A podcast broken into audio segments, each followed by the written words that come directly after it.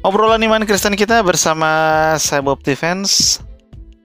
Kita mau bahas ada satu pertanyaan yang sangat penting yang memang biasanya ditanyakan oleh kita yang ada dalam gereja, sering mendengarkan khotbah, tahu tentang Yesus Kristus, Alkitab, salib, darah Yesus, dan semua hal kekristenan yang minimal pernah kita dengar.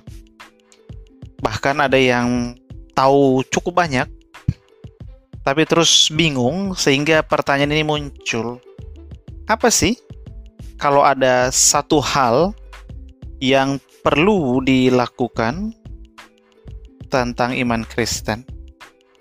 Yang yang lain oke okay lah, mungkin tidak dilakukan nggak apa-apa. Tapi yang satu ini perlu, sangat perlu dilakukan. Apa kira-kira? Nah, kita mau bahas pertanyaan itu. Nah, untuk mengingatkan sebelum kita ngobrolin itu, bagi Anda yang memiliki pertanyaan seputar iman Kristen, Anda bisa me menanyakannya melalui email di iman Kristen kita at gmail.com.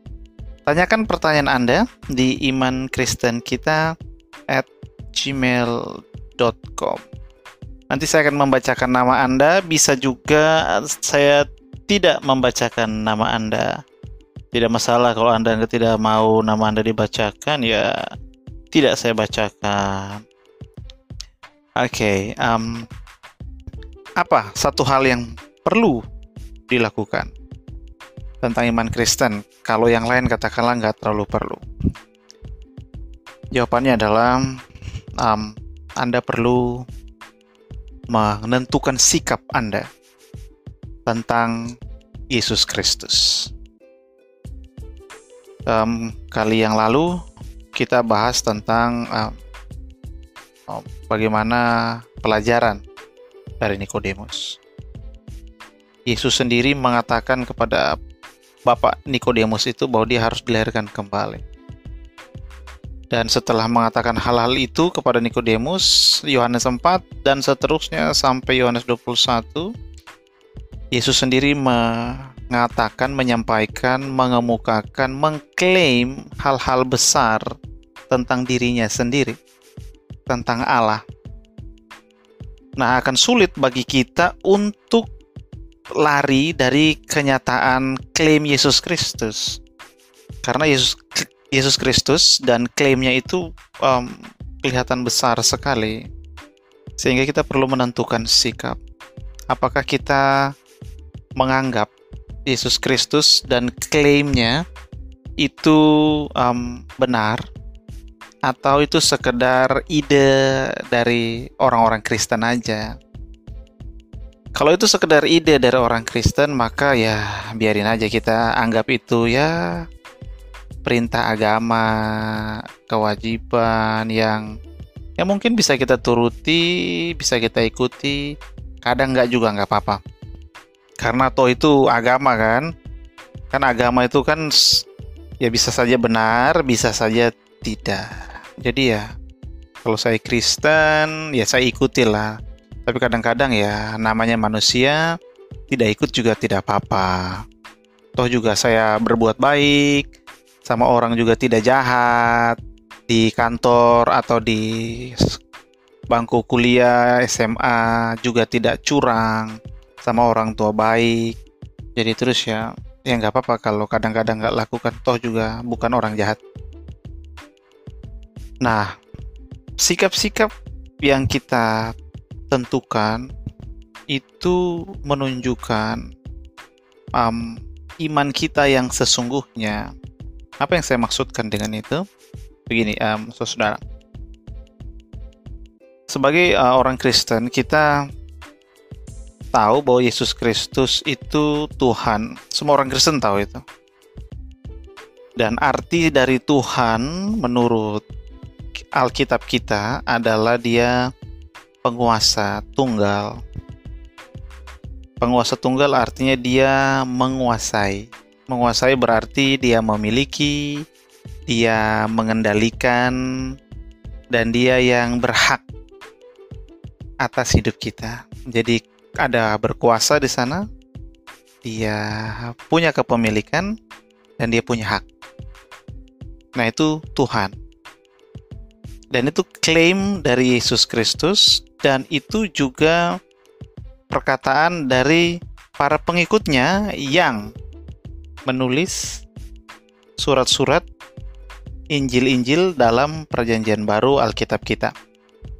Sehingga Yesus Kristus maupun para pengikutnya di awal itu dulu tahun um, seratusan Masehi itu sepakat dengan hal yang sama bahwa Yesus itu Tuhan. Dan sampai sekarang kita orang Kristen juga setuju bahwa Yesus itu Tuhan. Tetapi pertanyaannya adalah kita ini setuju dalam arti mengiyakan atau setuju dalam arti sikap kita yang ikut mengiyakan. Nah, surat Yakobus mengatakan begini, kalau kamu percaya bahwa Allah itu hanya satu, ya iblis pun percaya. Yang mau dia sampaikan adalah kalau cuma mengiyakan apa yang Alkitab katakan, setuju dengannya tanpa sikap yang mengikuti kata iya itu, maka iblis pun demikian. Iblis juga sepakat Yesus itu Tuhan, tetapi sikapnya bertentangan, tidak sesuai dengan apa yang dia pikirkan itu. Jadi Yakobus bilang begitu, ya kalau kamu menganggap Yesus itu Tuhan dan kamu setuju dengan Yesus sendiri, dengan para muridnya, para rasul itu, maka ya itu iblis juga setuju. Tapi bedanya iblis dengan para rasul itu, orang-orang Kristen, adalah sikapnya sikap yang memang menunjukkan bahwa Yesus itu memiliki, berkuasa, dan punya hak penuh terhadap kehidupan setiap orang Kristen, terhadap kehidupan saya. Nah, kuncinya tuh kan di sini. Hidup saya. Saya artinya setiap orang yang mengatakan saya. Jadi kalau ada satu hal yang sangat perlu dilakukan itu adalah menentukan sikap. Sikap apakah Yesus itu benar-benar penguasa, pemilik, berhak atas hidup kita atau tidak, berhak atas hidup saya atau tidak. Ini penting, ini sangat penting. Kenapa? Karena ketika seseorang dia menyerahkan hidupnya, dia menyikapi apa yang Yesus katakan bahwa dia Tuhan, maka dia akan menyerahkan seluruh hidupnya kepada Yesus untuk dikuasai, dimiliki, dan diatur. Karena Yesus yang punya hak, dia tidak punya hak. Di atas sertifikat sebu sebuah bidang tanah misalnya, di sana akan tertera sebuah nama. Entah itu nama pribadi atau nama perusahaan. Yang jelas ada sebuah nama di sana. Dan di atas nama itulah sebidang tanah itu dimiliki, di dikuasai dan nama itu berhak atas sebidang tanah itu.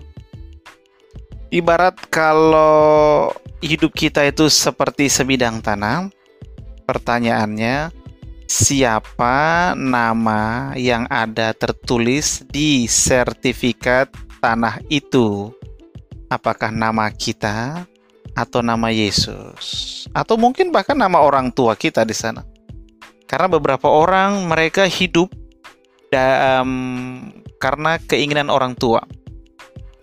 Orang tuanya ngatur dari awal sampai akhir. Kamu harus masuk sini kamu harus nikah sama ini kamu harus pakai baju ini tinggal di kota ini rumahmu harus bentuknya begini HP-mu harus merek ini sekali-sekali kamu jalan-jalan ke sini ke situ.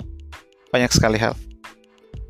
Memang orang tua adalah sosok yang perlu harus kita hormati tetapi orang tua bukanlah pemilik hidup kita, bukan yang berhak mengatur hidup kita. Beberapa orang melihat hal ini sehingga mereka bilang, "Oh, jangan atur hidupku. Aku mau atur sendiri." Nah, ini pun sebenarnya keliru. Bukan karena orang tua tidak berhak mengatur, memang orang tua tidak berhak mengatur. Mereka hanya akan mengarahkan, mendoakan, menasihati dan kita memang harus mendengarkan itu. Hanya keputusan memang kita yang buat, bukan mereka.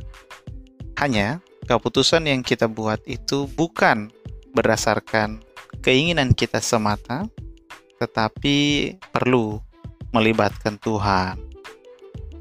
Nah, ini yang menjadi um, persoalan bagi terutama kita sekarang yang sangat meninggikan American Dream, sangat um, meninggikan dalam arti memuja, me, mem, memberi nilai yang tinggi hal ini, yaitu mimpi-mimpi kita. Kita ini kan punya mimpi-mimpi, cita-cita, dan kita ini berusaha untuk mengejarnya. Ada satu istilah yang um, populer di masa ini ini dari salah satu artis um, dream beli make it happen ya kan? Bagaimana kamu itu harus punya mimpi kamu percaya pada mimpi itu dan berusaha untuk membuat mimpi itu terjadi. Nah dan ditambah lagi kalau di dalam gereja maka ada mimpilah bersama Tuhan dan raihlah bersama Tuhan sehingga kamu bisa menyenangkan Tuhan ya kan? Mimpi bersama Tuhan raih bersama Tuhan nanti kamu bisa menyenangkan Tuhan. Intinya sama sebetulnya. Mimpi itu mimpi kita sendiri terus usaha tuh usaha kita ditambah dengan penyertaan Tuhan dan kemudian kita akan berhasil. Dan kalau kita berhasil nanti Tuhan senang. Nah itu um, yang biasa kita bukan hanya dengar tapi mungkin sudah masuk ke dalam um, diri kita. Sehingga terus kita mulai mikir aku nih pengen apa ya? Aku ini um, sukanya apa, ada peluang apa, sehingga terus aku perlu meraihnya. Dan kemudian kita lihat lingkungan sekitar, bagaimana orang-orang mendukung kita. Iya, kamu bagus di sini. Coba kamu lakukan ini. Coba kamu lakukan itu. Dan akhirnya kita mulai bermimpi kita mulai percaya pada mimpi-mimpi kita itu, mengerahkan semua sumber daya yang kita miliki, kita kerahkan semuanya untuk mencapai mimpi itu. Dan kemudian di dalam prosesnya kita melibatkan Tuhan sehingga mimpi-mimpi itu bisa terjadi karena berkat Tuhan. Nah, kita coba perhatikan baik-baik. Um, yang membuat mimpi itu kita. Kemudian mimpi itu kita seperti proposal, kita bawa kepada Tuhan, kita minta berkat Tuhan supaya mimpi ini berhasil. Pertanyaannya adalah, apakah Yesus Tuhan dalam proses itu? Oke, apakah Yesus berhak? Apakah Yesus yang mengatur? Apakah Yesus yang memiliki memiliki mimpi itu? Itu mimpinya siapa? Oh, mimpi saya. Terus Yesusnya di mana? Tugas Yesus adalah dia membuat ini menjadi berhasil. Itu tugas Yesus. Jadi Yesus masuk di tengah. Kan nama Yesus itu kan um, powerful kan? Nama Yesus itu berkuasa sehingga nama Yesus sanggup membuat mimpiku bisa berhasil. Nah, ini terdengar benar, tetapi sesungguhnya kurang tepat. Kenapa? Karena kita mendasarkan hidup kita kepada mimpi-mimpi kita sendiri. Itu yang disebut American Dream, hidup dengan digerakkan oleh mimpi-mimpi kita. Sehingga sikap kita terhadap Yesus adalah kita berhubungan dengan Yesus karena kita tahu Yesus bisa melakukan mimpi-mimpi kita atau bukan melakukan tapi mewujudkan mimpi-mimpi kita. Yesus di sini sebagai seseorang yang mewujudkan mimpi. Nah, dia bukan lagi Tuhan. Dia berkuasa memang untuk mewujudkan mimpi hanya mimpinya itu mimpi kita. Kita benar-benar menginginkan itu. Katakanlah seorang um, penyanyi, dia pengen sangat terkenal. Jadi dia melibatkan Yesus supaya dia menjadi terkenal. Dan kalau dia terkenal, dia percaya Yesus juga menjadi terkenal. Atau seorang bisnisman yang ingin bisnisnya berhasil, sehingga dia melibatkan Yesus karena dia tahu Yesus berkuasa dan kalau nanti Yesus memberkatinya nama Yesus membuat dia berhasil maka ketika dia berhasil maka dia percaya Yesus juga ikut berhasil sehingga ketika dia uh, berada di puncak maka Yesus ikut berada di puncak sehingga nama Yesus dimuliakan Nah, perhatikan bahwa ini agak kurang sopan sebetulnya. Yesus itu seperti berada di belakang dan kita yang memimpin, ya kan? Mimpi-mimpi siapa? Kita. Kita perlu Yesus ikut buat kita berhasil. Dan kalau Yesus, ya salah, kalau kita berhasil, maka Yesus pun berhasil. Jadi kita selalu ada di depan. Keinginan kita um, rencana-rencana kita, mimpi-mimpi kita, dan Yesus menjadi bahan bakar supaya ini semua berhasil berjalan. Yesus menjadi mesin keberhasilan kita. Dia menjadi um, nyawa dari uh, keberhasilan dari mesin ini. Tanpa Yesus, maka kita tidak bisa berhasil dengan Yesus maka kita berhasil. Aku kira itu um, sikap dari banyak ya, nggak tahu seberapa banyak ya. Cuman ya aku kira cukup banyak orang Kristen yang berpikir begitu. Kesannya benar bahwa tanpa Yesus aku tidak bisa berhasil. Tanpa Yesus usahaku gagal. Tanpa Yesus mimpiku tidak bisa uh, tercapai. Tapi bersama dengan Yesus, aku bisa mencapai mimpi-mimpiku, aku bisa mencapai cita-citaku. Dan ketika itu terjadi, maka Yesus juga ikut senang, ikut bahagia, dan Yesus dimuliakan. Nah, pertanyaannya, cara pikir begitu, apakah menjadikan itu Yesus Tuhan atau tidak. Tuhan tadi kan adalah Dia yang memiliki hidup kita, Dia yang berhak mengatur hidup kita, dan Dia yang berkuasa atas hidup kita. Jadi, dari awal sampai akhir, seluruh hidup kita itu Yesus yang atur. Apakah sama cara pikir yang tadi dengan definisi Yesus adalah Tuhan? Kalau kita lihat sih jawabannya enggak ya. Karena dari awal kitalah yang men-set arah hidup kita dengan mimpi itu. Mimpi itu kan seperti peta jalan. Kita mimpi jadi um, artis, maka kita meretas jalan menjadi artis. Kita mimpi menjadi astronot, maka kita meretas jalan menuju profesi astronot. Tidak ada yang salah dengan artis, astronot, bisnismen atau semua itu tidak ada yang salah. Hanya yang di sini yang membuat ini menjadi keliru adalah kita yang men-setnya dengan pikiran kita sendiri dan setelah kita merencanakan sampai selesai baru kemudian kita melibatkan Yesus. Akhirnya Yesus hanya sebagai mesin keberhasilan kita.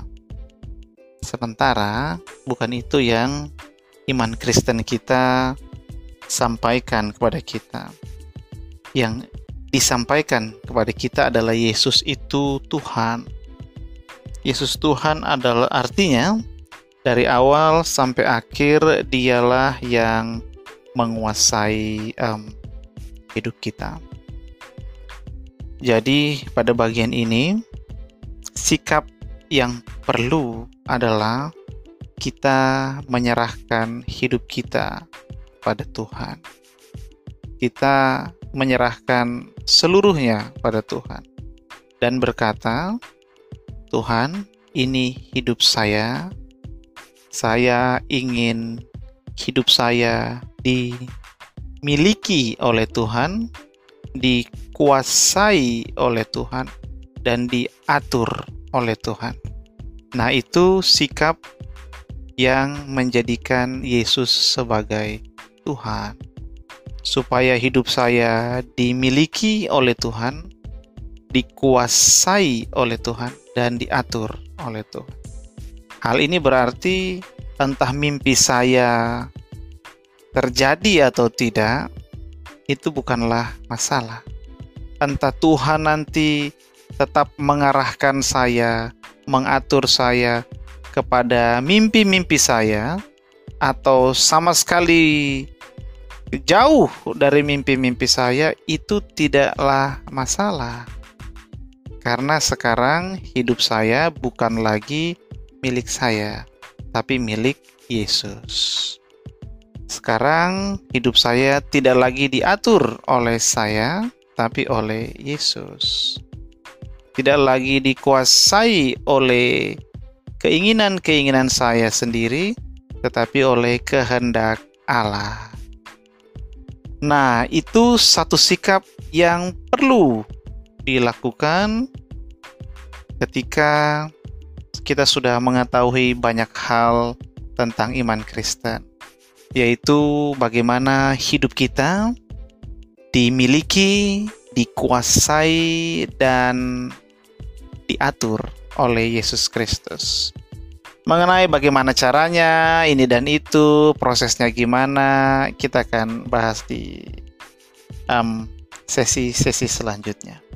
Sementara itu, sejahtera dari Allah Bapa kita dan kasih karunia darinya menyertai Anda dan orang-orang yang Anda kasihi.